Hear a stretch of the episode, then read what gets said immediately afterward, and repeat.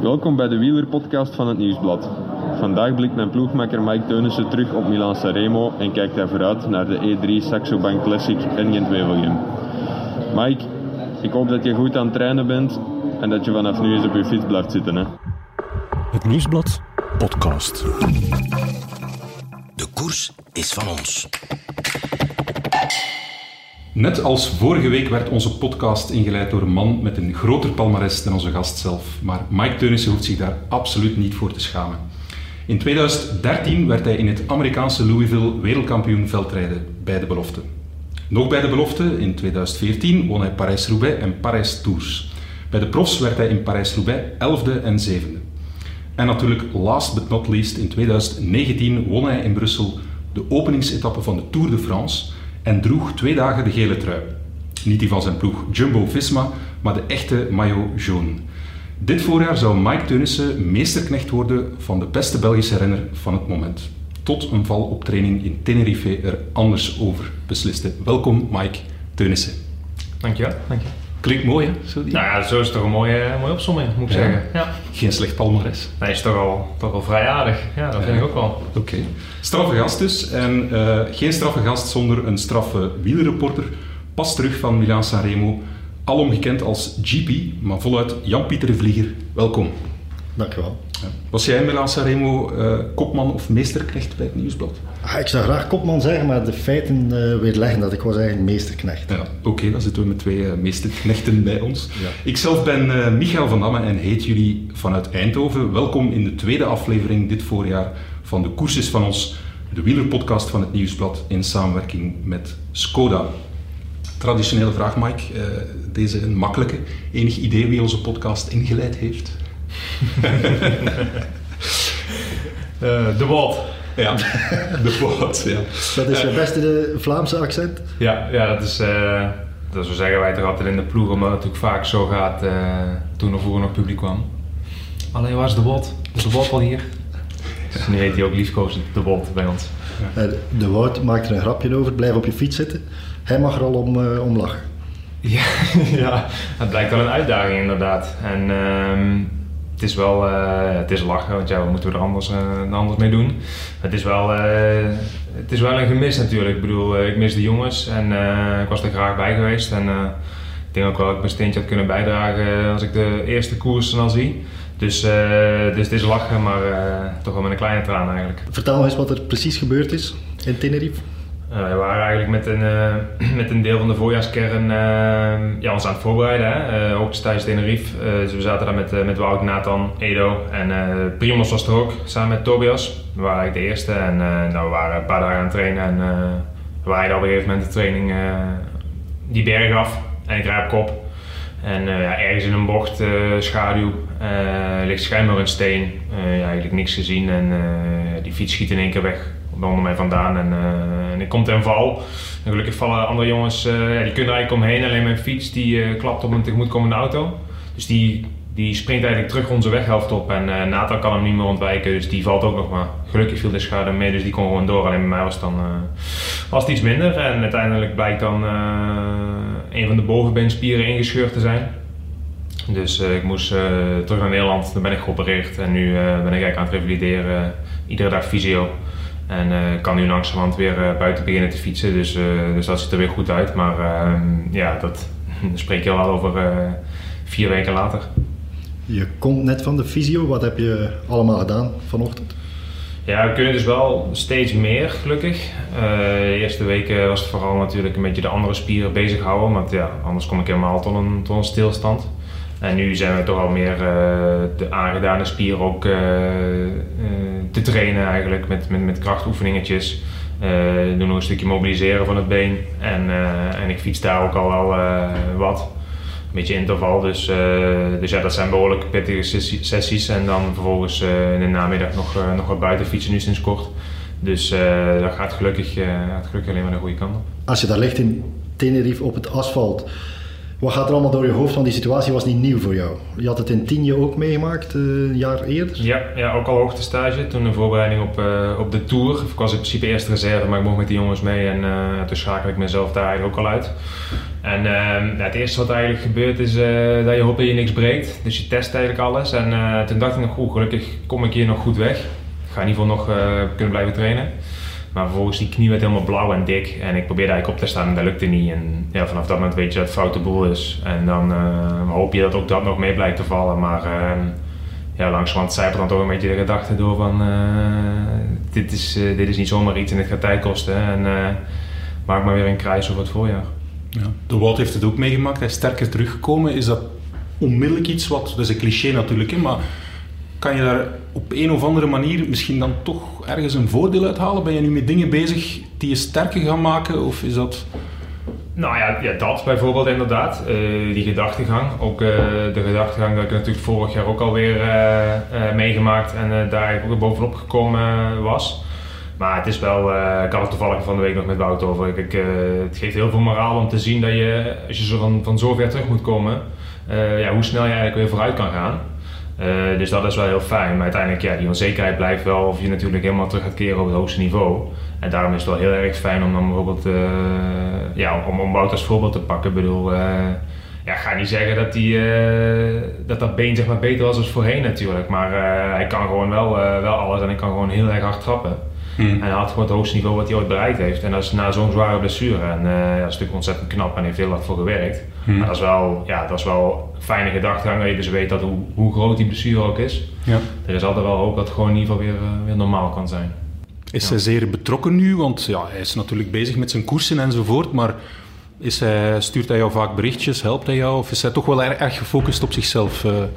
Ja, weet, je wat het is? Ik, ehm, in de Tirreno, eh, en ik bedoel, ik weet natuurlijk zelf ook hoe hectisch die koersen zijn. Dan, bedoel, we hebben wel eh, nodige app, of WhatsApp contact, maar ja, ga ik hem ook niet iedere dag storen. En kijk, in principe, als hij zich voorbereidt voor de, voor de tijdrit daar, dan checkt hij nog wel hoe het gaat en zo. Maar dan zeg ik ook van, ja, let jij nou maar gewoon even op die tijdrit. Want ja, bedoel, bij mij gaat het toch gewoon hoe het gaat. En hij is er wel heel betrokken en hij, is wel, hij wil wel weten hoe dat gaat. Alleen ja, ik snap ook wel, er zijn hele hectische weken en het is van koers naar koers. Dan eh, ga ik hem eigenlijk ook niet constant mee lastigvallen. Dus eh, het is vooral eh, voor hem belangrijk dat hij, dat hij zijn focus houdt. En ja, goed, hopelijk kunnen we snel weer een stuk gaan fietsen of elkaar te zien. Ja. Hm. Zit jij nu te hopen dat Parijs-Roubaix niet doorgaat? Want ja, vorig jaar heb je hem eigenlijk niet gemist.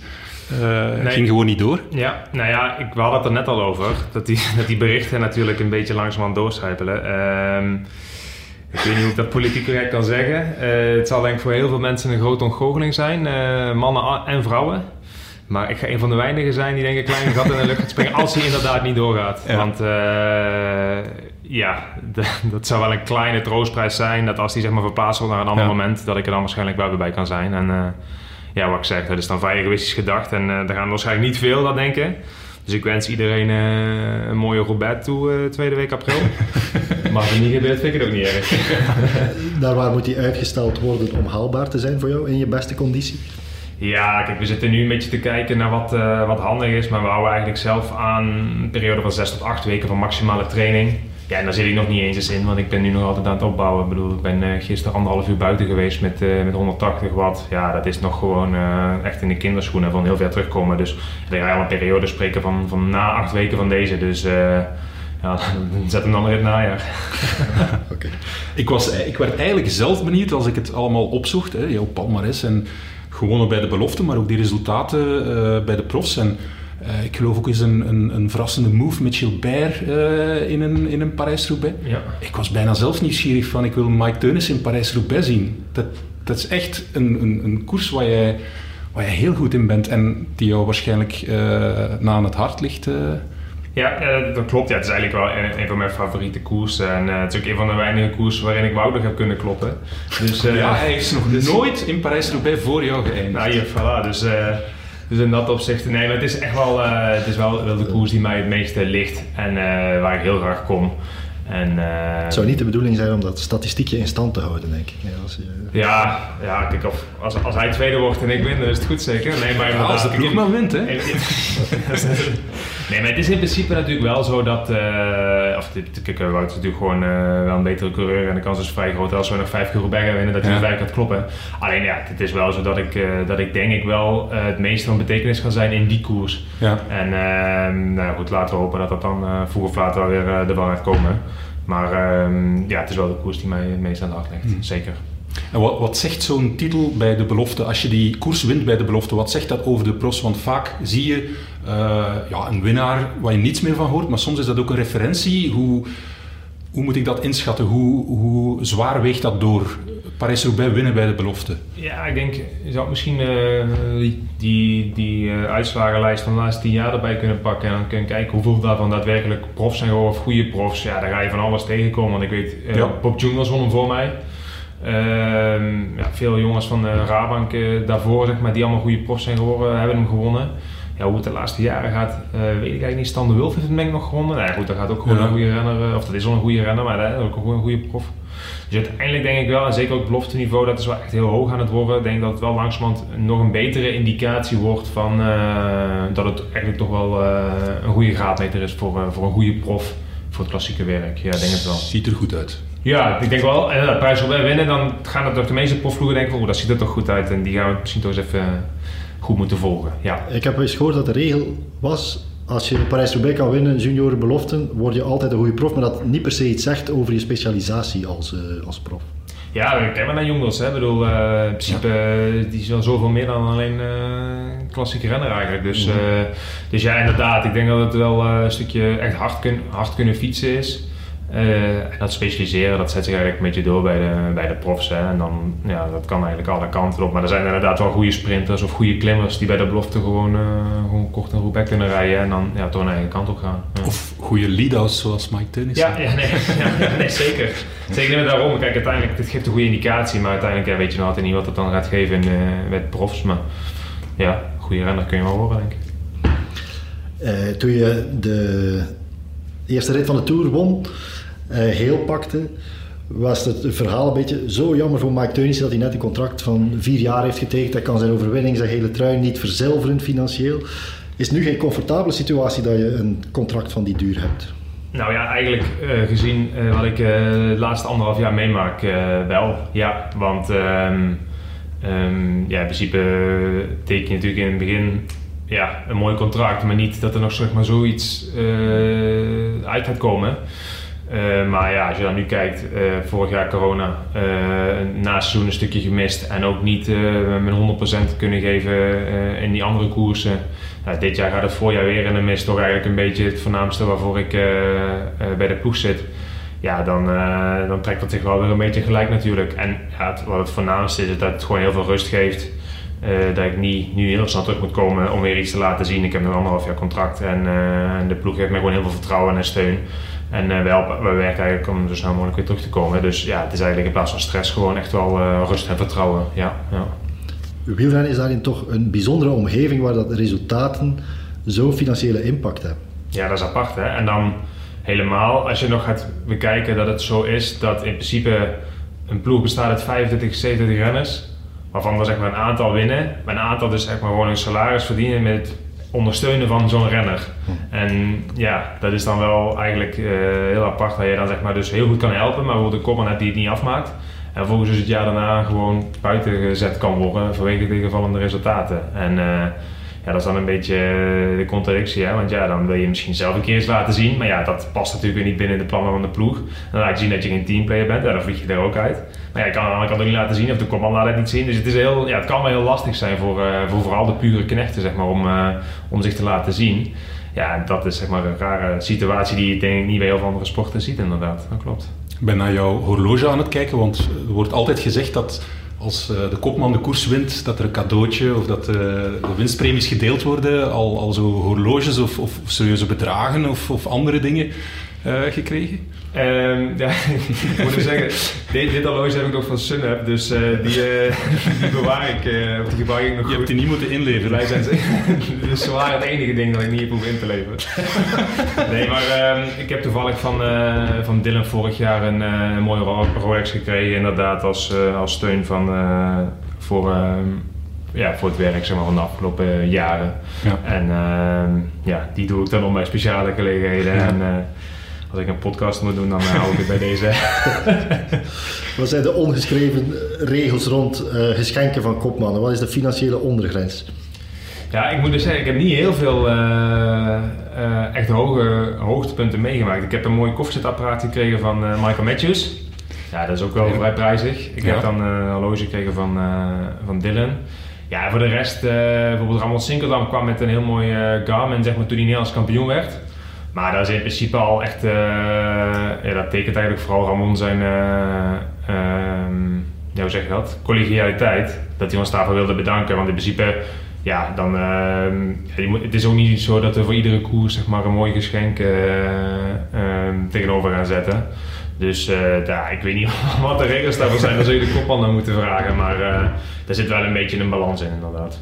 Maar je, zou wel kunnen iets zeggen voor het feit dat er regels zijn of dat er een, een, een vork is. Want ja, Anders zou het een opbod kunnen worden. Hè? Zou wat van Aert kunnen zeggen van, van mij krijg je geen Rolex, van mij krijg je... of is dat... Nou, het is wel zo. Kijk, uiteindelijk, uh, bijvoorbeeld met Wout of met Primos, kijk, uiteindelijk is het wel fijn om met dat soort renners op pad te gaan naar de grote koersen. Want, en je doet gewoon mee voor de knikkers. En de kans op een mooi cadeau is best wel aanwezig. Ja, ja, dus uh, ja, ik weet wel wat er renners zijn. En uh, ja, er zijn stafleden ook. Die zeggen van, ja goed, ik wil toch wel graag in deze koers. Want ik denk wel dat hier gescoord gaat worden. Dus ja, dat is wel... maar goed, en dan aan de andere kant, het is ook niet eh, kijk, ik weet dat de jongens hebben een mooie Bianchi van, uh, van Primoz gekregen dat hij de Vuelta won. Ja, dus niet dat ik zeg van, goh, ja, daar wilde ik bij zijn, want ik, heb, ik vind ook zo'n zo'n fiets mooi, weet je wel. Nee, die jongens hebben er hard voor gewerkt en die hebben het heel goed gedaan en die verdienen daar een mooie prijs voor. Dus ja, dat, dat regelen ze dan mooi onderling eigenlijk. Ja, oké. Jongens, ik vind het stilaan tijd voor jullie huiswerk. En dat huiswerk dat is het moment van de week. Afgelopen woensdag was het Nokere Koersen, vrijdag de Predene Coxide Classic, zaterdag Milaan Sanremo, zondag, dat telt ook mee, de damesklassieker Trofeo Alfredo Binda. En maandag, gisteren dus, hebben we de eerste etappe van de Ronde van Catalonië gehad. Keuze te over. Uh, we beginnen met GP, jouw moment van de week. Komt uit uh, Milaan Sanremo. We hebben altijd heel veel kritiek op de Italiaanse regisseur omdat hij niet goed uh, de wedstrijd in beeld brengt. Maar ik vond dat hij nu een heel mooi moment eruit haalde. Eh, na de Cipressa, zie je op een, een bepaald moment uh, Sam Bennett achter zich kijken, voor zich kijken. Die heeft duidelijk een probleem. Uh, maar Mathieu van der Poel komt naast hem rijden, neemt zijn drinkbus en spuit uh, daarmee op de voorste schijfrem ja, ja, ja. van, ja, van klopt, Bennett. Klopt, klopt. En uh, Thijs Sonneveld, de commentator bij VTM, had meteen in de gaten dat die schijfrem waarschijnlijk oververhit was geraakt in de afdaling. Ja, inderdaad, heeft hij gezegd. Mike, was dat ook jouw interpretatie van dat moment? Ja, ja ik, ik bedoel, ik, ik heb uh, Sanremo niet heel scherp gevolgd, moet ik zeggen. Of ja, vanaf daar kwam ik eigenlijk ongeveer in. Maar uh, ja, ik zag het moment ook en dan is van ja, wat gebeurt hier nou eigenlijk? Ik bedoel, het is ook wel een beetje typisch met Jeu natuurlijk, omdat hij... Ja, dat spelers, dat blijft hij toch gewoon houden. En uh, zelfs zeg maar diep in de finale van een koers als Milan Sanremo. Dus het is, uh, ja, het is wel een actie denk die, die je niet vaak zult zien. Maar uh, ja, ja, het zal waarschijnlijk inderdaad, ja, ze hebben het gezegd dat het zoiets zou zijn. Ja, waarschijnlijk heeft die, die rem gewoon veel geluid gemaakt en heeft hij aardig gepiept in die afdaling van de Cipressa. En uh, daar was hem denk ik klaar mee. die oplossen dat.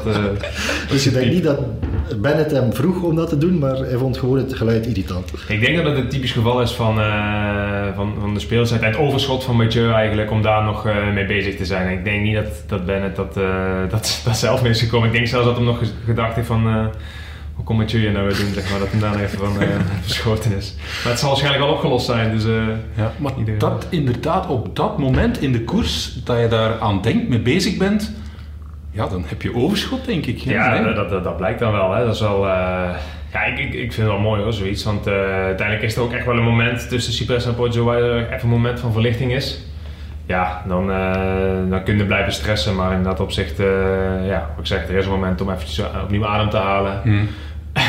ja, en dit soort dingen te doen dan eigenlijk. Ja, ik, uh, ik vond, het wel, vond het wel mooi. Ik was ook onmiddellijk aan het denken. ik was ook onmiddellijk aan het denken van, ja, zit daar een of andere poedersuikerrijke drank in? Staat, straks plakt dat of zo? Ja, daar, ben ik ook, daar was ik ook al benieuwd naar. Of, hij ja, dan, okay. of misschien heeft hij er wel ja, remolie of, of zo in Sabotage. ja, maar, ja ik, ik, weet niet. Kijk, in principe uh, ja, zal het vooral zijn om het even af te koelen. Hè? Dus een beetje vocht erop, dan, uh, dan uh, zal het wel heel wat geholpen hebben voor, uh, voor Bennett. Maar dat is wel interessant, ja, op de vraag had eigenlijk niet bedoeld. is een probleem dat frequent voorkomt met schijfremmen. Dat die oververhitten, dat die een beetje slepen? Ja, nou, wat het dus vooral is, eh, ik reis in de sport dan pa- pas met schuifremmen en nog niet in koers. Maar ja, wat ik vorig jaar al heel erg ondervonden heb, is als wij hard op een bocht afkomen met z'n allen, ja, dan, dan piept het eigenlijk al echt al ontzettend hard. Maar vooral het, ja, het uitkomen van een bocht eigenlijk. Dus dan is, die, ja, dan is het echt wel heel warm geworden en ik denk dat het een beetje uitzet of zo. Maar in ieder geval, ja, dan, eh, dan hoor je die mannen met een dat is echt zo, zo'n seconde of vijf. Ja, dan merk je wel dat die echt, eh, echt wel heel, heel warm worden en ehm, ja, daar komt echt wel, eh, echt wel geluid vanaf. Ehm het schijnt niet echt heel veel weerstand op te leveren. Maar ja, irritant is het wel. En dat is nog veel erger in de regen, want dan is het echt... Ah, wat dat is echt niet normaal. Je, hoort het zelfs op de televisieuitzending. Denk. Als je daar zeg maar, een peloton op, eh, op, een, op een haakse bocht afrijdt en iedereen moet daar in één keer gaan remmen, dan eh, dat is niet normaal hoeveel, hoeveel herrie Ja. dat geeft eigenlijk. Ken je dat geluid dat zo als je met een nagel op een, bord, een schoolbord, Ja, of, met een ring nog erger? Ah, Ja, je zelf wel verschrikkelijk. Ja, ja, dat klopt. Ja, ik, ik bedoel, ik vind het ook niet, niet heel, heel prettig om naar te luisteren, moet ik zeggen. Nee. Nee. Wij waren nog verder aan het fantaseren, eh, GP en ik, eh, daarover. Je zou het eigenlijk als strategie kunnen gebruiken dat je... Want Bennett moet toch even ook gedacht hebben van wat, wat, wat gebeurt daar. Eh, je zou onder één hoedje met een ploegmakker kunnen eh, spelen. En eh, Mike, jij spuit op, eh, op, Mathieu, op Mathieu zijn eh, schijfremmen en Wout kan demareren. Ja? Toch? Ja, ik denk, ja, ik denk, het is misschien een eh, idee om aan, aan- aan- over na te denken inderdaad, maar ik denk niet dat dat hier, eh, hier aan Nee. door is. Dus eh, ik denk dat Mathieu wel goed overeenkomt met die man Step. Dus eh, het zal eerder uit collegialiteit zijn. Maar, eh, maar inderdaad, het is een nieuwe tactiek. Ja. Blijkbaar wordt er wel geadviseerd om eh, je remmen te verdelen over voorrem, achterrem. Precies omdat die schijfremmen snel eh, verhitten. Ja, ja, ja, maar ik denk wel in principe in een afdaling dat je stiekem best wel veel voorrem gebruikt. En dat hij dan misschien ja, net, net wat meer uitzet. Ja, ik weet niet, misschien wordt wel heel technisch nu. Nee, nee, dat vinden wij net interessant. Ja. Waarom gebruik je veel voorrem? Ja, dat je veel harder kan remmen te voorrem. Wij hadden toevallig in het eh december trainingskamp eh, nog, een, eh, nog een dag met Oscar. Eh, ik denk dat hij vroeger downhill expert was. In ieder geval, ja, die geeft eigenlijk vooral nog, eh, nog veel eh, les, well, eigenlijk als het ware. En eh, ja, dat gaat dan van de basics tot best wel ja, uitgebreid hoe het nou precies werkt. Maar eh, hij had wel een mooie test eh, waarbij wij zeg maar, met eh 35 tot 40 per uur zeg maar, aan moesten komen remmen. Of eh, rijden. En dan waar hij stond, eh, ja, zo hard mogelijk remmen. Dus ja, iedereen begint te remmen. En eigenlijk het eerste wat je doet is die achterrem gewoon pakken. Want dat is eigenlijk het makkelijkste en eh, het fijnste. En toen zegt hij ook, maar je kan veel harder remmen met die voorremmen. Ja, instinctief denkt iedereen, ja, dan ga ik over de kop. Weet je wel, zeker met Ja. schijfremmen. Ja. Zeker, ja. Maar dat is dus ja, dat is niet het geval. En ja, ik ga niet zeggen dat iedereen dat meteen moet gaan proberen. Maar het is echt ongelooflijk hoe hard je met een voorrem alleen kan remmen, zeg maar. Ehm, ja, en dan toch... Opletten, want de concurrentie luistert mee. hè. Ja, je bent dat die tips aan het geven. En Oscar Sijs rekent door blijkbaar hè, voor zijn les. Ja, sterker nog, ik, ik ingehuurd voor hem. Nee, maar kijk, uiteindelijk, ehm, dat is best wel grappig. Dat je denkt van, ja, uiteindelijk uh, remmen het achterremmen zo, maar ja, gewoon het feit alleen al, maar dan moet je dan een keer ervaren hebben, hoe hard je alleen met een voorrem kan remmen. Dat is echt, eh, ja, dat was echt wel interessant. En eh, ik ga niet zeggen dat ik heel goed kan fietsen of zo, maar op zich weet ik wel een beetje hoe het werkt. Ja, zelfs dat was voor mij wel echt nieuw, dat je gewoon daar zo hard mee kon remmen. Zo gecontroleerd. En dus het instinctieve gevoel, ik ga over de kop, speelt minder Helemaal dan je niet, zou denken? helemaal niet zelfs. Ja, je moet natuurlijk wel het gewicht een beetje naar achter verdelen, maar ja, dat is in principe altijd het geval. En ja, dat is echt, eh, ik heb er nog wel filmpjes van denk ik, maar dat is echt, eh, ja, dat is echt ongelooflijk. Dus het, het, dat is een urban legend, dat klopt niet. Dat je over de kop zou... Ja, het, het- het klopt wel, het kan wel, maar als jij gewoon goed eh, eh, gecontroleerd kan remmen en een beetje druk op het achterwiel kan houden, of aan de achterkant van de fiets kan houden, dat is natuurlijk wel een kleine, kleine disclaimer. Ja. Dan, eh, dan kan het echt wel. Ja, ja, ja, zeker. In België hebben wij een heel goed renner die nog niet zo lang op de fiets zit, Remco Evenepoel. En eh, ja, er was best wat discussie over zijn dalerscapaciteit, omdat hij nog maar zo kort eh, fietst. Eh, in eh, Lombardije ging hij in de afdaling, werd hij onder druk gezet en ging hij eh, over de kop. En dan was er heel discussie van, kan je dat eigenlijk nog leren? Kan je nog veel bijleren enzovoort? Eh, wat denk jij? Is er, eh, is er veel marge nog om eh, bij te leren? Of... Ik ben ook twee keer heel erg onderuit gegaan in de afdaling laatste jaar, dus ik weet niet of ik Ja. de juiste ben om, We hebben er iets van gehoord, ja. om dit nu zeg maar eh, aan te stippen. Nee, maar ik denk wel inderdaad dat je daar echt nog wel, eh, nog wel veel uit kan leren. In ieder geval, ja, als je dan kijkt, ook hè, met, met die clinic die wij dan hadden, eh, hij had ook gewoon filmpjes gemaakt, zeg maar, begin van de dag en einde van de dag. Ah, daar zit bij jongens echt een wereld van verschil tussen, zeg maar, Ja. gewichtsverdeling, eh, hoe hard ze door een bocht komen, welke lijnen ze rijden.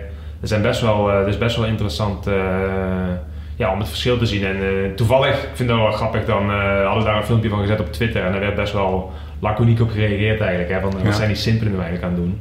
Ja. Maar dat is dus een beetje, eh, ja wat ik bedoel, daar, kan- daar kan je over denken van ja, het zal allemaal wel en eh, ik snap het allemaal wel. Maar als je dan volgens daar gewoon goed mee bezig bent en gewoon het verschil ziet tussen 's ochtends en 's avonds met sommige jongens, ja dat, dat, ja, dat zijn niet eens meer marginal gains, maar dat is echt gewoon een wereld van verschil zeg maar. En eh, ja goed, daar kun je dan laconiek over doen en dan kunnen mensen laconiek over doen. Maar het is, ja, ik denk dat het altijd goed is om daarvoor open te staan en ik denk dat het echt wel een verschil kan maken. Hoe zit dat met de exclusiviteit van die sites? Want jullie... Zijn jullie geïnteresseerd? Of? Ik kan wel even... Maar jullie vragen die dan? Werkt die dan exclusief voor Jumbo-Visma? Of is zijn kennis ter beschikking van iedereen die dat, eh, die dat wil? Die doet dat wel voor meerdere ploegen inderdaad. Kijk, uiteindelijk komt dit vanuit eh, de Rabank-tijd, denk ik. Eh, Giant zat eh, of zit, hij eigenlijk nog steeds bij, dus daar zijn eigenlijk die contacten gelegd. Maar eh, nee, bij- Sunweb heeft hij dat bijvoorbeeld ook al gedaan. Dus eh, ja, dat is zeker niet, eh, niet exclusief. Maar het gaat eigenlijk meer om dat er natuurlijk altijd wel ruimte is om te verbeteren. En ik denk, ja, zelfs de beste daler kan echt nog wel eh, een keer eh, een opfriskeurs hebben, bij wijze van. En, eh, ja, ik, ik denk wel dat het, eh, ja, wat ik zeg, ik heb er zelfs veel aan geleerd. Dus of je nou een goede of een slechte daler bent, ik denk dat voor iedereen altijd wel iets mogelijk is om nog wat, eh, nog wat extra's uit te halen. Ja. Merk je het in het peloton in de afdaling als je iemand bezig ziet? Van, ah ja, die is waarschijnlijk ook langs geweest. nou, ik, zou ander, ik zou eerder zeggen van, ah, ik- dat je zou zeggen van, eh, nou ik zit nou achter iemand die ik er ook wel heen zou willen sturen. Maar dat wel weer. Namen alsjeblieft. Ja, namen, nu willen wij namen horen. Dat is gevaarlijk hè? Dat is gevaarlijk. Een, een renner die gestopt is misschien. Ja, dat is misschien beter, maar uiteindelijk, eh, ja, ik weet niet. Maar bijvoorbeeld David de Le Cruz, die, eh nog actief, maar dat is eigenlijk wel een van de notoire eh, slechte dalers, zeg maar. En Ja. dan denkt iedereen altijd van, oh, dan moeten we toch maar eventjes snel eh, naar voorbij. Ja. Maar ja, dat is dan, dan denk ik van, ja, als ik, ik ben er vrij zeker van als die zeg maar zoiets doet. Het is niet dat dat meteen een daalonder wordt of zo, Ja. maar gewoon, er zitten heel veel simpele dingetjes in zoiets als een bocht aansnijden of, of wanneer rem je of hoe moet je je positie houden. Ja, wat gewoon echt wel kan helpen. En ehm, ja, misschien dat ik nou te veel weggeef voor de concurrentie. Maar uiteindelijk, ja, het, het, het is, het is, klinkt heel simpel. Het is heel simpel. Maar ja, het, het helpt iedereen, denk ik. Zeker bij ons in de ploeg is iedereen daar wel enthousiast over. En eh, nou ja, goed, dat, eh, dat zegt wel wel genoeg, denk ik. Mike, heb jij ook een eh, moment van afgelopen week, afgelopen weekend? Ehm, nou ja, ik heb er meerdere, maar ehm, nee, uiteindelijk eh, wilde ik graag aanstippen het gemak, of het gemak, eh, waarmee Ewan en eigenlijk vele anderen eh, de Poggio overkwamen. Mhm. Ehm, vooraf werd natuurlijk toch gedacht dat het een echte drie-strijd ging worden, hè? dat de jongens even weg zouden kletsen van alles en iedereen. Ehm, maar dat dat dan toch tegen blijft, blijkt te vallen. Hè? Ja. Natuurlijk, de omstandigheden waren goed. Hè? De wind stond wel goed. Dus het was moeilijker om daar een gat te slaan, iemand uit het wiel te rijden. Maar ja, het, is toch wel, eh, het is toch wel straf. En het zegt ook wel veel over het niveau in het algemeen. Ehm, ja, van, van eigenlijk eh, de hele wereld op. Hè? En dat er dan eh, klimmers als, als, als Schachman en zo, eh, en sprinters zoals Ewan, samen met die puncheurs, hè, zoals wij ze kennen, gewoon allemaal ja, even hard gewoon een klim van zes minuten op kunnen rijden. Dat is wel, ja, ik vond het opvallend. En het is denk ik alleen maar goed dat het niet, niet in drie strijd gaat worden het hele jaar door. Ja. Maar ja, toen dacht ik wel van, goh, dat is wel imponerend. Ja. Ewan is blijkbaar heel goed, of hij focust daar echt op om zijn training voorafgaand af te stemmen op de vereisten van de, van de race. En bij hem is dat heel uitgesproken. Zo in de Tour kan hij echt relatief slecht klimmen, maar enorm snel sprinten. Ja, ja. En in Sanremo klimt hij supergoed, sprinten ook wel goed. Maar zijn training heeft daar een grote impact op blijkbaar. Dat is, dat is wel, ja, bizar wil ik niet zeggen, maar dat, dat klopt wel. Hè, want dat is bij Ewan, kijk, Hatterdam en zo, hè, daar is hij echt super goed in. En eh, hij, is natuurlijk klein en, en licht, dus hij gaat altijd wel goed bergop kunnen. Maar het is inderdaad, dat weet ik ook nog wel, want eh, de Tour van 2019, dan moest ik een aantal keer bij Dylan blijven. Natuurlijk ook omdat die, eh, ja, die traint ook heel gericht. Dus die liever zeg maar, nog vijf minuten langs zou op een klim en nog beter kunnen sprinten dan dat hij zeg maar, ja, een beetje concessies gaat doen. Maar dan was het echt wel zo dat Johan af en toe op momenten gewoon ja, zoveel gelost werd dat je dacht van ja, maar ja, hoe, hoe, hoezo nu al zeg maar. En, dan, en zeker als je weet dat hij gewoon bij momenten ook heel goed bergop kan gaan. En, eh, nou ja, goed, uiteindelijk dat blijkt dan hè, dat dat wel heel erg eh, gericht trainen is als het ware. Maar ehm, ja, was wel opvallend inderdaad. Hij is ook specifiek gaan trainen in Sanremo op eh, Cipressa en Poggio. Eh, dat was een item achteraf, omdat er toch heel veel Monegasken in de top 10 stonden. Denk je dat dat meespeelt? Maar er zijn ook gewoon veel Monegasken in het peloton. Ja, ja, inderdaad. Dus, eh, de meeste goede renners komen natuurlijk uit Monaco, anders zitten ze er niet. Dus, eh, En dan zeggen ze altijd omdat het daar goed trainen is. Ja, hè? Het is daar dat goed is trainen, mooi, hè? Dat is mooi dat ze daar dan niet, eh niet, ja, niet vooruit komen dat er ook nog andere dingen zijn die misschien wel anders Ja, zijn. goed, kan hè.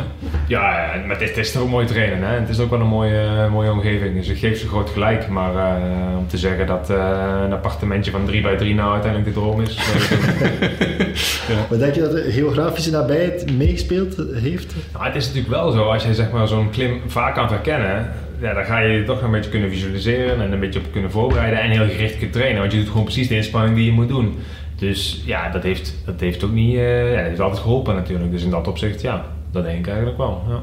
Heb je ergens een eh, appartementje in Spanje of, eh, of hoe doe je dat? Eh huur jij dingen? Even kijken voor Sanremo in de buurt, denk ik. momenteel, momenteel eigenlijk niet. Dus ehm, ik vind het ook wel fijn om daar een beetje in af te wisselen. Ik ben bijvoorbeeld, kijk, wij zijn natuurlijk sowieso met de ploeg ook regelmatig weg. Ja? Eh, maar bijvoorbeeld, eh, ik ben afgelopen jaar samen met eh, Timo Rozen, een ploegmaat van mij, eh, naar Malaga geweest. En daar gewoon een appartementje gehuurd. Ehm, nou ja, goed, en dan kunnen we volgend jaar, zeg maar, als er dan nog een periode is waarin je kan trainen, eh, hè, kun je een keer ergens anders heen bijvoorbeeld. Kijk, en wat ik zeg, uiteindelijk eh, december al trainingskamp met de ploeg, januari trainingskamp met de ploeg, februari hoogtestage. Ja, dat zit daar redelijk vol. En dan kom je in mei, is weer hoogtestage, Dauphiné, weer hoogtestage, Tour. Daar is eigenlijk al heel weinig tijd om nog ergens anders eh, heen te gaan. En ja, goed, uiteindelijk dan kun je net zo makkelijk de, de vrijheid hebben om iedere keer een nieuwe locatie te pakken. Of in ieder geval los te huren. Dan je zegt, ik huur iets voor een jaar en ik ben er maar twee keer. ja. En de brievenbus op de Cayman-eilanden, heb je die?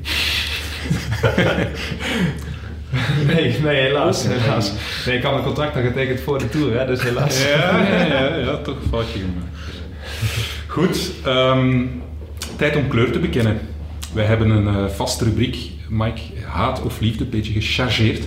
Maar wij dwingen onze gast om zijn liefde te verklaren of zijn afkeer te openbaren over de volgende koers, in dit geval koersen. We gaan de OxyClean Classic Brugge de Pannen, wat een woord in godsnaam, eh, even buiten beschouwing eh, laten. Niet omdat het zo'n moeilijk woord is, maar gewoon eh, omwille van de timing van deze podcast. E3 Saxo Bank Classic, vrijdag Gent-Wevelgem, zondag. Mike, als ik het goed gezien heb, dan reed jij Gent-Wevelgem vijf keer, E3 drie keer. Vertel ons, welke gevoelens maken die koersen los bij jou?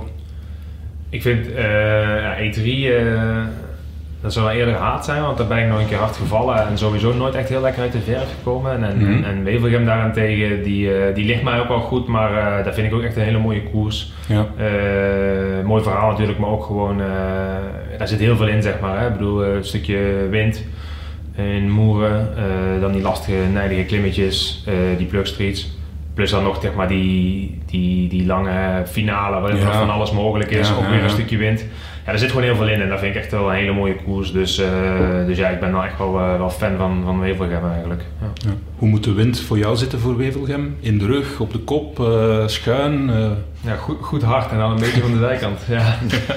Nee, maar in principe denk ik dat 2019, eh, toen het op de kant ging, zaten we met zes of zeven man van de ploeg mee. Eh, vorig jaar ging het trouwens ook nog wel aardig op de kant, maar toen eh ja, scheurde niet genoeg. Maar dat zijn wel, ja, dat, dat, bedoel, dat is 200 kilometer voor de meet en dat is gewoon vol een bak. Dat, is echt wel, ja, dat zijn wel de mooiste, mooiste koersen. Ik bedoel, ik weet dat Mathieu bijvoorbeeld zegt van, ja, Sanremo dan moet ik 260 kilometer zorgen dat ik niet in slaap val. Ja, dat gevoel, dat, ja, dat, dat, dat, dat, dat ken ik wel. En dat, het is wel veel mooier om, om gewoon de hele dag door koers te hebben natuurlijk. En dat gebeurt niet vaak met het hedendaagse wielrennen. Alleen, ja, zoals een Wevelgem kan dat wel. Sterker nog gebeurt het eigenlijk wel heel vaak als er een beetje wind staat. Dus ja, daarom, ook daarom is het wel echt een hele mooie koers. Ja. Geloof je dat dan in slaap vallen, dat Mathieu die, die lange raids doet, eh, omdat het een beetje saai wordt? Is dat, geloof je dat echt? Ja, ja, dat geloof ik wel. Ja, bedoel, het is, het is eh, de eerste, ja, ik bedoel, we hebben het nu integraal kunnen volgen. De eerste vijf uur is niet echt heel, eh, heel spectaculair. Dus eh, ja, wat ik zei, ik heb, eh, we was op het einde ingeschakeld. Want in principe daarvoor, daar gebeurt toch niks. Daar is het gewoon zorgen dat je niet te veel wind maar pakt en eh, blijft eten. En, eh, Ja. en vooral een goede gesprekspartner hebt. Dat iedereen rijdt op 2 en 2. En eh, hopen dat je een beetje een mooi gesprek kan hebben aan de tijd te doden. Wie ga jij aan opzoeken om eh, een goed gesprek mee te hebben? Ja, kijk, uiteindelijk zo met de ploegmaster zit je natuurlijk al de hele week een beetje op stap. Dus eh, dat, dat ken je onderhand al. Hè? Dus eh, nou ja, ik ga vaak natuurlijk wel landgenoten, eh oud-ploeggenoten.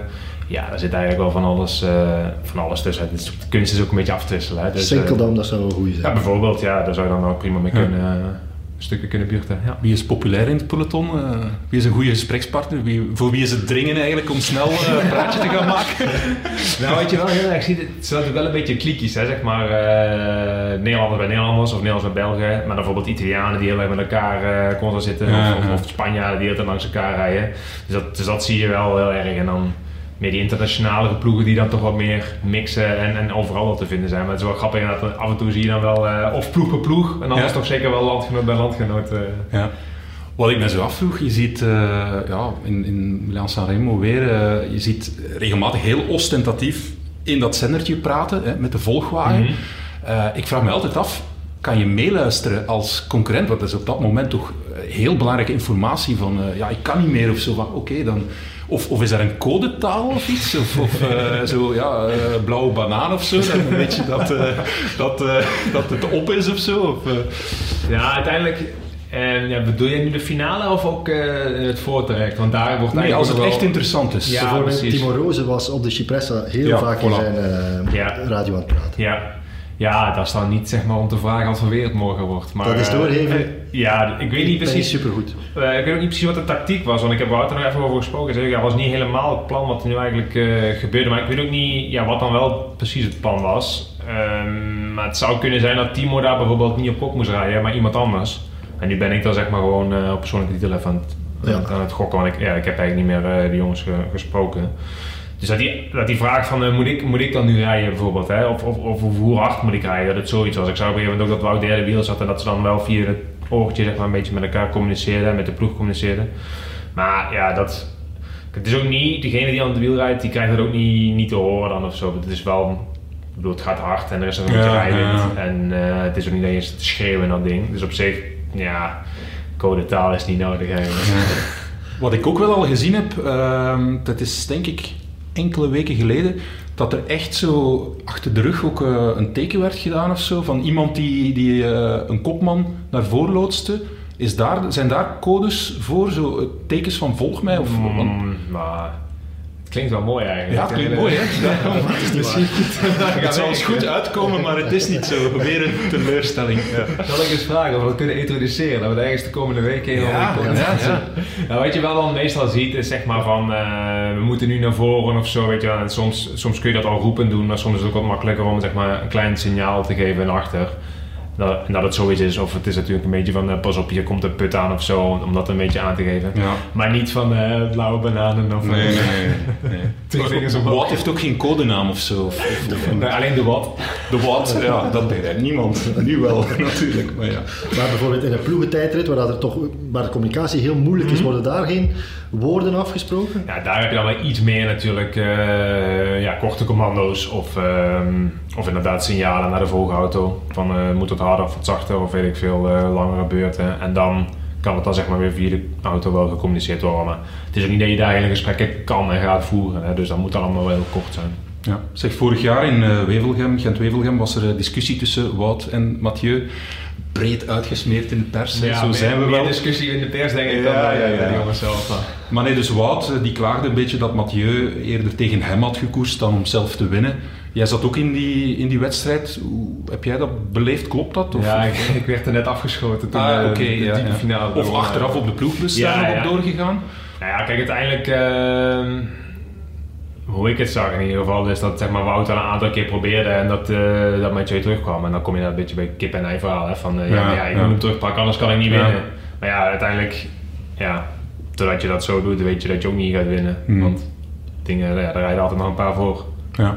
Dus ja, dat is een beetje, eh, ja... Kijk, uiteindelijk denk ik wel dat Mathieu inderdaad echt wel een eh, op- en top sportman is die Ja. altijd graag voor de overwinning rijdt. Dus het is niet dat hij daar eh, per se tegen Wout rijdt, denk ik. Aan de andere kant kan ik me ook voorstellen als je daar eh, gewoon echt goed bent en een aantal keer eh, nog goede counters opzet en zit eigenlijk constant dezelfde in het wiel. Ja, dat je wel dat gevoel gaat krijgen. Dus eh, ja, ik durf me daar niet echt over uit te laten nu. Of dat dan... eh, Ja. ja, kijk, ze zijn, al, zijn al jarenlang elkaars grootste concurrenten. Dus in dat opzicht eh, ja, denk ik dat iedereen ook wel een beetje hoopt op zo'n soort tweestrijd. Of in ieder geval zo'n buiten de koers om dat ze elkaar haten of zo. Maar ik denk Ja. dat dat echt wel eh, Ja. redelijk mee zal vallen. Dat valt mee, ja. Ehm, toen jij de gele trui pakte, dan uh, onze gewaardeerde collega Hugo Korovits, die had een portret uh, over jou gemaakt. Hè. Even aan de Vlamingen uitleggen wie Mike Teunissen is. Uh, nu, nu gaan ze dat allemaal weten. En er stond iets grappigs in, dus jij komt hè, ook uit het veldrijden, dat jij het jaar dat je wereldkampioen was, het jaar erop eigenlijk maar één koers gewonnen had, geloof ik. Bij ja. belofte neem ik aan. Ja, is ja, mooi verhaal eigenlijk. Ja, en dat je dan, mooi verhaal. Ja, dat je dan dus uh, een beetje naar de weg gegaan bent, om, ja, omdat je toch, ja, Mathieu en Wout, uh, dat er viel moeilijk tegen te winnen. Ja, dat is wel pech natuurlijk nu. Ja, ja zit in je ploeg. Komen ze weer tegen. Ja, aan de andere kant, iedereen zegt nu van, uh, goh, wat zijn die jongens toch talenten. Ja, dat zag ik zeg maar tien jaar geleden al aankomen. Want, ja. Ehm, Ook voor de weg. Ja, gewoon dat dat geen normale jongens Ja. zijn. Want als je dan gaat kijken, zeg maar, ehm, ik won dan zeg maar één koers, Zonhoven. Dat was op het E- de dag van het EK. Bewust het EK laten schieten, zodat ik niet tegen die jongens moeten rijden. Maar er waren er meer, want bijvoorbeeld Toon Aert en Quinten Hermans, die zaten bij mij op het podium. Nou, als je nu kijkt wat Aert en Quinten Hermans rijden, dat is gewoon Ja. eh absolute wereldtop. Hè? Dus, dus het is meer, denk ik, dat wij zeg maar allemaal wel heel hoog niveau zijn. Alleen dat die twee, en dat laten ze nu natuurlijk ook wel zien, eigenlijk op, op ieder mogelijk onderdeel ja, gewoon nog een stap daarboven staan. En ehm, ja, dat gevoel, ja, het is niet dat ik zeg maar bij de belofte allemaal weet hoe het zit natuurlijk, maar dat gevoel had ik wel al daar inderdaad van. Ik rij gewoon echt hard, ik rij nog harder dan vorig jaar en eigenlijk, ik, ik, ik heb één keer met die jongens op het podium gestaan zeg maar en ik heb ze misschien één of twee keer kunnen kloppen. Mm, mm. Ja, voor de rest gewoon week in week uit zoek gereden. Dus eh, ja, en daarnaast, eh, het ontbreekt mij ook een beetje aan de techniek moet ik zeggen. En die rondjes die worden alleen nog maar technische. Dus dat was ook wat gemakkelijker om een beetje voor te beduren op, eh, op de weg. En toen won ik zeg maar goed bij, bij de belofte. Had ik eigenlijk nationaal kampioen moeten worden, won ik nog prijs tours. Ja, dan Ja. is het ook wat gemakkelijker om te kiezen. Ja. Dus het was een beetje een optelsom van. En niet om te zeggen van, ik vlucht weg voor die jongens. Ze blij dat toch terugkomen. Zeg, en dat WK in Louisville, ik was daar eh, toen ook bij, eh, als wielreporter. En eh, ja, Wout was daar derde, hè? Je hebt hem geklopt daar. Glad uit het wiel gereden. Dat wil ik hem nog graag zien. dat is een beetje het laatste moment gehoord, dat ja. ik dus denk ik. Vertel er uitgebreid over.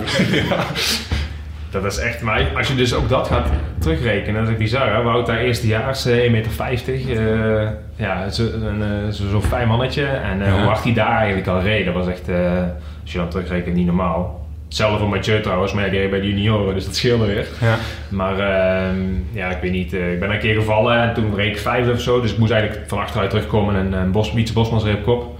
Wout reed tweede en op een gegeven moment eh, ja, sloot ik aan bij Wout en eh, ik reed gewoon net iets harder. Dus ja, toen kon ik hem eraf rijden en wereldkampioen worden. En, en ja goed, wat je net al zei, het jaar erop als het dan omgedraaid, laat staan de jaren erop. Ja. Er is een beetje ook weer eh, discussie geweest in de pers, hè. je weet dat wij dat graag doen, over het feit van ja, waarom is er eigenlijk geen eh, Belgische ploeg eh, eerder gekomen voor Wout op de weg. Natuurlijk, er was heel die discussie met zijn contract, het, wa- het was ook wat ingewikkelder dan dat, maar ja, als ik dat zo hoor, dan hebben ze toch niet eh, goed hun werk gedaan, want jij zag het al tien jaar geleden. Ja, ja maar ik, ik ben ook interviewer, hè, dus eh, voor, voor de afdaaltraining en ook voor eh, de beste scouting. echt eh. wel op zoek naar een bijverdienst. Hè? Ja, tegenwoordig al. Nee, kijk, weet je wat het ook is? Eh, het is natuurlijk ook echt niet dat Lotto Soudal of Quickstep nog nooit van Wout van Aert gehoord had. hè. Mhm. Die hebben natuurlijk ook echt wel, wel op de korrel gehad en eh, misschien al wel gesproken zelfs. Dus, ehm, dus het is echt niet dat die, eh, dat die daar eh, iets gemist hebben. Alleen ja, uiteindelijk zag zeg maar, een ploeg als Jumbo ook al, eh, ook al snel potentieel. En zeker het laatste jaar dat hij daar bij eh, Sniper reed. Hm. Daar, ja, daar liet hij natuurlijk al fenomenale dingen zien. Dus ik denk, ja, dat is, dat is niet zozeer dat, dat, dat de Belgische ploegen staan te slapen, maar meer dat Wout gewoon al zo hoog niveau laat zien dat er veel meer andere ploegen ook gewoon geïnteresseerd zijn. En ja, dat hij uiteindelijk voor Jumbo kiest, dat, eh, dat is logisch, want wij zijn een hele mooie ploeg. Denk je dat het te maken had met een soort eh, onderwaarderen van veldrijden? Het is maar veldrijden. nou, dat denk ik eigenlijk niet. En als het wel zo zou zijn, dan denk ik dat het nu dan toch heel in ten dagen al eh, aardig, aardig bijgetrokken is. Dus nou, dat, dat, ja, dat, dat durf ik niet te zeggen. Dat zou je dan in België moeten vragen. We hadden het net over Ewan die specifiek traint voor bepaalde wedstrijden. Eh, Wout, jij was samen met hem in eh, Tenerife op de Tijdenvulkaan. Als je die waarde ziet van hem, dan lijkt min of meer het omgekeerde dan specifiek trainen voor, voor klassiekers. Eh, 57.000 eh, hoogtemeters of zo die hij daar gedaan heeft. Dat lijkt niet te rijmen met de klassieke training voor klassiekers zoals dat wij die kennen. Ja, maar daar zit wel, daar zit wel heel veel specifiek werk tussen hoor. Dus ehm, er zitten wel, ja kijk, als ik dan zeg maar een soort van klassiek schema afwerk, dan eh, zit daar wel vrij veel overlap in. Alleen, ja, wat het grote voordeel van iemand als Wout is, en Prima zit er bijvoorbeeld ook, ja, die zijn zo goed, die kunnen gewoon zoveel aan, dat die gewoon meer kunnen doen dan dat eigenlijk. En eh, ja, dus die trainen echt wel eh, het specifieke gedeelte, maar daarnaast kunnen die ook gewoon gemakkelijker nog een uur erbij trainen, of nog een berg op extra, weet je wel, of, of, of, nog 100 watt extra een berg op rijden. Bedoel, ja, er zijn veel voor- voorbeelden van. Maar is gewoon pure gedeelte eh, inhoud en, en, en klasse misschien ook wel, dat die gewoon eh, zoveel meer aan kunnen. Ja, en dan kom je dus tot dat soort eh straffe trainingsweken eigenlijk. Maar ja, er is echt wel genoeg aandacht voor het specifieke werk van, van Wouter. Ja. Jullie trainen best veel samen. Je hebt natuurlijk die stage niet volledig kunnen uitdoen, maar jij was nooit op 57.000 hoogtemeters beland. Nee, dat denk ik eigenlijk niet. Nee, precies. Ehm, het is ook zo, kijk, het is niet zozeer dat wij eh, heel veel vergelijken of zo, maar we ook gewoon eigenlijk heel goed wat bij de renner zelf past. Bij mij is bijvoorbeeld zo, als ik zeg maar heel veel bergop ga trainen, dat gewoon mijn explosiviteit echt wel, echt wel inteert. En, eh, en ja, dat is zeg maar, bijvoorbeeld echt een groot verschil met Wouter. Die kan gewoon zeg maar, en eh het duurvermogen trainen en het klimvermogen trainen, maar daarnaast ook gewoon zeg maar, de explosiviteit houden. Dus ja, daar kun je ook gewoon, net als ja, wat ik zeg, hè, die, die belastbaarheid die, die kan je gewoon veel beter aan. Ik kan dat ook gaan proberen. En dan ga ik misschien ook wel langer kunnen fietsen, maar dan ga ik al minder goede lead-outs kunnen doen bijvoorbeeld. Dus ja, dat is dan de afweging die je, die je moet maken. En eh ja, zodoende eigenlijk. Wout en Primoz gaan joggen, s ochtends, jij gaat nooit mee. Nee, ik lag dan bij Wout op de kamer en eh dacht ik van is het goed als ik eh lekker wat vroeger zet, dan ga ik een stukje lopen. En toen heb ik nog één keer gedacht van, ah, misschien, nou, draai maar een keer om. Ja, zou ik ook doen. Dat is ook maar, maar 13 per uur, dat is voor de hobbyloper nog wel iets waar, eh, waar je mee kan eh, Ja, maar pas op, dat is wel op 2000 meter hoogte, hè? dus eh, Ja. dat is wel, eh GP. dus hij is niet een. Ja, oké. Wij gaan soms wel eens gaan lopen, dus. Maar, eh, Aan hetzelfde tempo, maar dan met iets meer zuurstof in de lucht dan. Ja, en helemaal iets vlak minder en dan... eh, ja. ja. Goed, we gaan even van ons glas water drinken en ondertussen luisteren naar een boodschap van onze sponsor Skoda. Even gek van de koers als wij zelf. Wist je dat Skoda 125 jaar geleden begon als fietsenmerk? Pas na 10 jaar volgde de eerste Skoda auto. Al die tijd werd Skoda gemaakt door en voor fietsers. Geen koers zonder Skoda. Skoda. Simply clever. In de pauze hebben wij trouwens eh, zelf even over Skoda ge- gehad. We zijn allemaal Skoda-rijders. hè. Ja. Inderdaad. Echt waar? Ik moet wel zeggen dat ik nog aan het kijken ben voor een andere auto, maar momenteel rijd ik inderdaad gewoon eh, al jarenlang eh, ook in een Skoda. Bevalt erg goed, moet ik zeggen. Ja, kijk eens aan. Mocht de microfoon aangestaan hebben, Skoda zou niet afgehaakt zijn als sponsor. Nee, nee, nee. Dus het is, het is echt oprecht. Nee, maar wij, wij, ik heb met GP de, de Tour de France eh, in de auto gedaan en dan... Ja, dat was ook een Skoda en ja, dat wordt, dat wordt dan wel een beetje je, je leefruimte. Dus, en nadien op het werk eh, ja, kreeg ik een, een leasingwagen en dan was het echt wel een beetje een sentimentele keuze zo van ah, die, die, die auto waarin ik al die avonturen met GP meegemaakt Ja. heb. Eh, Ja. ja, je kan heel veel verpakking van ijsjes, chips, colaflessen, die kan je allemaal in kwijt. Ja, kan je ongelooflijk veel afval in kwijt in de school. ja. Goed, quiztijd. We hebben iedere week een 10 op 10 quiz. Vorige week werd GP met een banddikte geklopt door Ilio Keijsen, geen schande. Vandaag krijgt hij de kans op revanche. Het concept blijft hetzelfde. Ik maak mij er vanaf met één vraag. Van mijn gasten verwacht ik 10 antwoorden voor een perfecte score. Wie faalt moet onverbiddelijk de remmen dichtknijpen en met het schaamrood rood op de wangen plaatsnemen in de bezemwagen.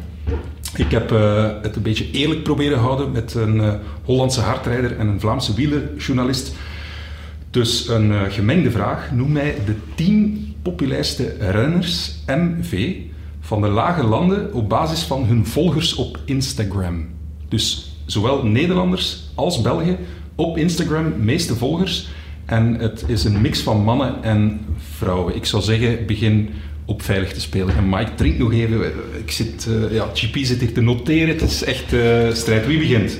Eh, ik wil nog opmerken dat Mike zich eh, voorbereid heeft. Hij heeft de vorige podcast beluisterd. Ja? Hij dacht dat we dezelfde vraag zouden stellen. Dus noem alle overwinningen van Jumbo-Visma. Hij Ja. heeft die allemaal van buiten geleerd. Ik en dat- al- het is allemaal voor niks. Allemaal Ja, jongens. Dat zijn er meer dan tien, eh, of niet? Nou, ik denk het eigenlijk niet. Ja, misschien Nee. is dat het probleem. Weet Ja, je. ja, ja, ja, dat was het probleem. En GP heeft zich ook voorbereid door daarnet in de auto, in de rit naar Eindhoven, proberen eh, Ja. mij de vragen te ontfutselen, of de vraag te Ah, ik wou ontfutselen. zeggen, want hij weet het natuurlijk stiekem, maar dat valt Nee, nee, nee, dat is oké. niet gelukt. Is niet gelukt. Nee. Dus goed, eh, Voorlopig is Mike, dat niet gelukt. Mike, jij mag beginnen. Eh, top 10 meeste volgers op Instagram. Ja, ik weet dus de nummers 1 en 2 en ik ben benieuwd of jij dat Je ook moet er maar één noemen, Maar ik begin dan dus met Mathieu van der Poel. Ja, klopt. 610.000 volgers. Yes, GP. Ehm, ik ga voor Wout van Aert. Ja, 444.000 volgers, dus dat is direct nummer 2. yes. Eh Remco, Evenepoel? Ja, nummer 3. 428.000 volgers. Het hoeft niet in volgorde, hè, maar... Aangezien je zegt dames eh, ook, Annemiek van Vleut. Wow, ja. ja, ja. Ik zal je een tip geven, dat is de enige dame die ertussen staat. Maar eh, ik vind dat best indrukwekkend als Belg. Maar misschien Mike is dat, die heeft 110.000 volgers en die laat echt heel grote namen in het, eh, in het mannenwielrennen achter zich. Fantastisch, hè? Maar, Ja, ik haal het niet. Dus eh, ja, nee. Weet je hoeveel jij er hebt? ja, eh, een tiende van uh, Annemiek, denk ik. Ik Ja, iets, iets meer. Ik heb het opgezocht. 16.300, dat was vrijdag. En daar kan nog wel wat bij, mensen. Dus, Wel. Nee, maar volgende week na de podcast gaan we de, de stand opmaken. Dus alle luisteraars van het Nieuwsblad ehm, volgen die Mike Teunissen. Dus ik had Annemiek van Vleuten en daar noteer ik GP bij. Jasper Stuyven? Ai, nee, nee, nee, nee, nee. Nee. Nee. S- Wacht, Jasper Stuyven, die heeft... Dat is wel interessant, want vrijdag had hij nog 69.900 volgers. En nu heeft hij er eh 78.800, dus bijna 9.000 volgers erbij op een Maar daarmee weekend. is hij nog altijd niet de top 10 bij Nee, nee, nee, nee, nee. nee. Ruim Dus- niet of net niet? Anders moet even de actuele stap. ja, toch wel, toch wel ruim, ja. Nee. Toch wel ruim. Dus, Dus nee, dat nee, betekent nee, dat ik gewonnen heb. Nee, je moet het nog afmaken. Het is een beetje een penalty systeem. Dus nu moet je nog een correct antwoord, anders kan Kan weer gelijk komen. Ja, dan, dan, ja, we passen het concept een beetje aan, dan kan, dan kan het nog verder. Dus GP, ik leg de druk eventjes bij jou. Een correct antwoord, faal je, dan, eh, dan is Mike weer in de race. Dan mag Dylan je... Groenewegen. Ja, ja, ja, het is gebeurd. Het is gebeurd. Dylan Groenewegen trouwens nummer 4, 319.000 volgers. Ja, best wel populaire renner, hè, Dylan Groenewegen. Nee, maar echt Ja, nummer, ja, ja, nummer ja. 4. ja. En de tweede Nederlander. Nee, maar het is ook wel eh, interessant. Natuurlijk, af- afgelopen tijd kwam er nog in het nieuws dat Remco nog had verteld van we gaan Ja. hem zeg maar niet begroeten. Hè? Ja, bedoel. Dat zal waarschijnlijk ook wel de nodige nuance ontbreken. Maar ik denk inderdaad wel, of ik ben er eigenlijk vrij zeker van. ik heb natuurlijk veel contact met Dylan, maar als je kijkt hoeveel mensen, of renners, collega's, maar ook dus niet Nederlanders, hè, gewoon jongens waar we niet eens zo heel veel mee te maken hebben, hem een berichtje hebben gestuurd, zeg maar, ten teken van steun. Ehm, maak ik me er echt geen zorgen over dat die niet goed gaat vallen en, met zijn terugkomst. Dus ehm, nee, het- het- het- hij komt echt wel, ehm, zeg wel ja, populair wil ik niet zeggen, maar in ieder geval echt wel eh, goed overeen met heel veel jongens in de ploeg, Ja. of in, de- in peloton. Dus eh, nee, dat, eh, dat gaat echt wel, eh, wel goed komen. Eh, hij, hij begint opnieuw in eh, Hongarije, denk ik. Is dat een bewuste keuze om hem een beetje uit de luwte te houden? Ja, kijk, het, wat- is het? Eh, de Giro was ook een optie geweest. Ja, dat, lijkt mij niet verstandig. Hè. Ehm, ik denk dat hij daar zelf op zich niet eens heel veel probleem mee gehad eh, had om daar zeg maar eh, gewoon weer gekoerst eh, te, te, beginnen eigenlijk. Alleen, ja, daar gaat natuurlijk iedere, iedere halve beweging gaat helemaal breed uitgemeten worden. En ik denk dat het, dat wel goed is om daar een enigszins zo'n opbouw in te hebben. En daar in Hongarije denk ik wel een mooie koers is om, eh, om, om op te bouwen, te kijken hoe het er zelf is om in een peloton te rijden. Ehm, en van daaruit hopelijk weer snel eh, normaal, eh, normale koers te kunnen. Of ja, gewoon de hoogste niveau koers te kunnen Hmm. rijden. Hij was, stond bekend om de uitspraak podium of iodium. Eh, iemand die er eh, ten koste van alles bijna van, voor gaat, maar niet zoiets natuurlijk. Maar die periode van de fiets en alles wat er gebeurd is, want het, kan, allee, het moet een enorme impact gehad hebben, maar heeft dat toch ook een beetje voor een louter? Denk je dat dat zo impactueus is dat hij, dat hij de dingen ook echt wel anders gaan bekijken is? Of? Ja, dat denk ik wel. Al denk ik ook wel zo dat het echt natuurlijk niet was dat die... eh kijk, Podium of Jodium is natuurlijk Ja, wel een beetje een ja, populaire tuurlijk, quote. En eh, ehm, ook wel deels door de sponsors er een beetje doorheen gedrukt. Maar kijk, uiteindelijk eh, is het een paar jaar geleden natuurlijk eh, nog in Koolskam, denk ik, hard en val gekomen. Ja, dat hij eh, ook zeg maar, op dezelfde manier de hekken in was gereden. Hij weet dus echt wel hoe Ja. het is om terug te komen. Ehm, kijk, en, en, en uiteindelijk, ja, als je dan nu kijkt... ehm, ja, wat er dan gebeurd is de afgelopen periode. Ik bedoel, ik wil ten eerste natuurlijk niet de actie goedkeuren. En ik vind ook dat hij absoluut wel eh, een straf verdient. Maar als je hè, dit hele, het hele verhaal eh, ziet met het stukje eh, verantwoordelijkheid van de organisatie waar, waarin ik nog op zoek ben eigenlijk naar. Maar ook het stukje social media natuurlijk wat er dan losbarst. Dan denk ik wel dat het niet alleen voor Dylan, maar ook voor heel veel mensen wel, wel inderdaad iets is geweest om in de spiegel te kijken. Te kijken wat is er nu eigenlijk gebeurd en hoe kunnen we met z'n allen verder gaan en zorgen Ja. dat dit niet meer voorkomt. En, eh, en hier nog eigenlijk lering uit trekken. En ehm, ja, goed, uiteindelijk denk ik dat het belangrijkste is dat Fabio gewoon weer eh, lekker kan fietsen. En Mm. eh, gewoon een soort, ja, eigenlijk gewoon terug kan komen en de passie kan beleven en de resultaten kan boeken die hij eigenlijk op voorhand had. Maar daarnaast denk ik inderdaad wel dat het, dat het voor Dylan, maar dus ook voor eigenlijk alle andere mensen hierbij betrokken, zo breed mogelijk uitgemeten, wel goed is om inderdaad te kijken wat is er nou gebeurd en hoe kunnen wij dit eh, beter doen. Ja. Als je zegt, een beetje erdoor geduwd door de sponsors die slogan podium of jodi- jodium. In die mate dat zij dat gesuggereerd hebben aan hem. Is dat geen leuke one-liner die we aan jou kunnen koppelen? Ja, het is, het is niet zo dat Dylan hier nou iedere week gaat zeggen van oh, vandaag koers jongens, massasprint, dit wordt podium of jodium. Ik bedoel, dat is, ja, dat is zeg maar... Is dat oorspronkelijk wel van hem dat hij ooit is laten vallen heeft? Het is denk ik al, ik bedoel, ik kende de term ook al wel uh, Oké. dat ik junior was, weet je wel. Ja. Dus gewoon, gewoon, ja, hoe zeg je dat? Ja. Een beetje, kijk, en uiteindelijk Dylan is dan eh, sprinter en eh, een beetje Amsterdamse bluff erbij. Dan, eh, ja, dan is dat natuurlijk een snelle combi die je maakt. Nou ja, uiteindelijk, ja, zoals nu, dan, eh, ja, dan ga je daar toch een keer over nadenken inderdaad, na dat, na dat voorval. Dat, eh, dat zeker. Het zal niet meer zo vaak gebruikt worden, denk ik. In het peloton gaat iedereen toch wel de inschatting maken die jij maakt. Van ja, hij maakt een fout, maar de gevolgen daarvan zijn de verantwoordelijkheid van de organisatie. nou, toch, die zijn toch in ieder geval niet volledig voor Dylan, neem ik aan. En dat is natuurlijk nu waar het een beetje op lijkt. En eh, ja, ik denk, maar dat is dus wat ik een beetje bedoel. Het zou eigenlijk fijn zijn dat we daar graag maar gewoon wel wat mee kunnen. Kijk, nu gaat Polen in ieder geval die ehm, aankomst eh, uitbannen. Maar ja, als je dan bijvoorbeeld naar een willekeurige koers kijkt, pak prijs niets. Hoe vaak er nu nog een, een aankomst ligt waarin een bocht op 150 meter ligt. Of waarin het hekwerk eigenlijk toch niet helemaal aan elkaar eh slijt. Dat gaat allemaal goed en daar hoor je natuurlijk niemand over of bijna niemand.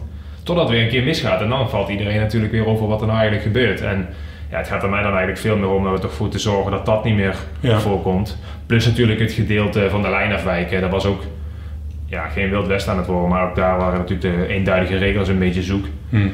Ehm, zoals we misschien ook wel een beetje kennen bij de UC. Hè. Eh, pak het voorbeeld van Eekhoff achter de auto rijden. Ik weet nog altijd niet hoe het nu zit. Ik bedoel, ik weet nog altijd niet als ik nu dadelijk pech heb of ik achter de auto mag rijden of niet. En als het dan zeg maar in één keer dadelijk voor de negende of de tiende keer wel niet, in één keer niet meer mag, Ja. of wel. Dat is natuurlijk hetzelfde met sprinten, weet je wel. Dat was natuurlijk eerst ook altijd, ja, wat is van je lijn afwijken? Wanneer mag het wel? Wat is dan disqualificeren? Wat gebeurt er nou eigenlijk? En nu lijkt er dan langzamerhand ook iets meer van een lijn in te komen. Ja. Maar dat is wel nadat er zoiets heftigs gebeurd Ja. is. En, en wat ik, eh, dat, dat, dat vind ik eigenlijk het voornaamste over dit hele onderwerp. Ja, zou het eens een keer handig zijn om dit gewoon consequent aan te pakken en te zorgen dat dat gewoon niet meer voorkomt. Dat, dat we gewoon gaan wachten tot het weer een keer misgaat. Want dat is wat ik bedoel. Volgens mij is er afgesproken dat wij niet meer een bocht hebben in de laatste 200 meter. En als ik naar Abu Dhabi kijk, dan gebeurt het dan een keer. Als ik dan naar Parijs iets kijk, gebeurt het weer. En volgens hoor je er niks van, totdat het een keer misgaat. En dan valt iedereen er weer over. Ja, misschien is het dan goed om daar een beetje meer op door te pakken. Maar eh, dat is niet gemakkelijk. En eh, als ik hier bijvoorbeeld nu al eh 6, 7 uur per dag bezig ben met herstel, dan heb ik daar niet echt tijd en zin in om, om daar nog nou ja, tijd aan, eh, aan te spenderen. Maar het zou misschien inderdaad wel beter zijn als we daar eh, met een aantal betrokkenen wat meer op doorpakken. Ja. Ik wil nog eens jouw rol belichten. De afzakkende lead-out. Wat mag die doen? Want je hoort soms dat het een bewuste strategie is om andere sprinttreinen te hinderen. Is Ja. dat zo? Nee, dat is wat mij betreft eh, echt niet zo. Want ik vind het echt doodeng om, eh, om af te laten zakken. Ik probeer ook altijd een beetje snelheid te houden en zo snel mogelijk aan die mee te geraken. Want ja, als, jij, eh, als het snelheidsverschil 10 per uur is of, of, of 30 per uur, dan is dat echt wel lastig natuurlijk als je van achterop komt om daar rekening mee te houden. Aan de andere kant is het natuurlijk ook zo, als ik mijn beurt doe, is dat wel zeg maar volledig tot 200 meter, weet je wel. Dus dan ben ik gewoon klaar en dan kan ik niet verdwijnen. Dus Ja. ja, dan probeer ik aan de kant te gaan. Maar dat is ook wat ik net aangeef. Als er een bocht ligt of als er zeg maar, geen rechte lijn ligt, dan kan ik ook niet naar één kant gaan. Ja, en dan kom je dus soms in het midden. Ja, wat mij betreft is dat geen tactiek. Want ja, wat ik zei, dat is gewoon levensgevaarlijk. En eh, ik vind dat ook zelf doodeng. Alleen, ja, dit ook niet, dat kan verdwijnen. Dus, dus dat is lastig. En ja, de ene keer zie je dat het eh, niet goed gaat en de andere keer dan weer eh, net wel. Ja, nou, het, is, het, is, het is een beetje ja, een moeilijke, moeilijk iets eigenlijk, een moeilijk gegeven, de lead-out. Ja. Oké. Ik had aan collega Nico van Hey eh, in onze 10 op 10 quiz beloofd om eh, een aantal eh, vermeldingen te doen. Nico die zit heel vaak op Instagram, heeft er allemaal renners die hij volgt. Ik weet niet of hij jou al volgt, Mike, maar toch heel veel renners. En, Anders ehm, gaat het nu snel gebeuren, maar ik hoop het. ja, ja, ja. En echt fantastisch. Het Instagram-account van Magnus Kort Nielsen van Education First. Ja, ja, ja, Weet je het? Nou, ik, eh, ik ben eh Amut Jansen, Ja. eh, ex-ploeggenoot van ons, nu bij Bike Exchange. Is eigenlijk de beste maat van Magnus. En Ah, die laat ja. altijd wel wat, wat, wat achter de schermen video's zien, maar ook ja, wat hij natuurlijk af en toe dan wel gewoon op Instagram zet. Maar dat is wel, Ja. wel mooi, hè? Ja, dat zijn echt- van alles tussen eigenlijk. Hè? Ja, maar ook dus hotelbeoordelingen. Maar echt bloedserieus. Van alle hotels waar hij slaapt. Maar, maar heel professioneel, niet lacherig. Het is echt, allee, als je op vakantie wil, dan moet je echt, echt het eh, Instagram-account van Magnus Kort Nielsen eh, En volgen. Nee, Ja, nee, het is echt... eh, Ik weet niet of het eh, de gemiddelde rennerskamer in een gemiddelde koers eh, goed is om op vakantie te gaan. Ah, hoe valt dat tegen? Ja. Maar journalisten zijn ook niet zoveel gewoon hoor. Eh, Dat is eh, met ons karige loontje. Ja, dat is eh, misschien toch goed om, eh om achter de hand te houden voor de inspiratie. Ja. En dan eh, nog een Instagram-account. eh SneakerDave98. Weet jij van wie het is? Ja, ik knikt. Zekers. Ja, wie? Eh, David, ploeggenoot. Ja. Ja. En wat doet hij daar? die heeft een, eh, een hoe zeg je dat, hobby, Ja. heet bedrijf. Als in ja, sneakers verzamelen Ja. en af en toe nog eens eh, verkopen ook terug. En dat, Ja. ja, dat doet hij dan eigenlijk toch Dat heeft via dat account. Heeft dat dan gemeen met Caleb Ewan, die doet dat ook. Ah ja? Ja. Weer. Maar die- Concurrenten die van elkaar. Dat het een belegging is als die zo'n eh schoenen, pa, Ja, dat, paar schijnt, sneakers. dat schijnt schijnbaar wel te zijn, hè? Als je dan de originele doos en... Ja, ik heb helemaal geen idee daarvan. Mike, jij zocht een bijverdienste Nou, sneakers. We zijn er. We zijn er. Sneaker Mike, kom maar. Ja, oké. Ik wil nog een eh, social media anekdote. Andreas Kroon had eh, in de Ronde van Catalonië zijn eerste zege ooit Ja. gepakt. Die had nog geen Twitter-account en plots had hij er wel een, na zijn overwinning. Ah ja, oké. Ja, en hij had meteen 412 volgers, Ja. gisteravond. Oké, oké, oké. Ik heb ook nog een anekdote. Weet je hoeveel volgers Jan-Pieter de Vlieger heeft?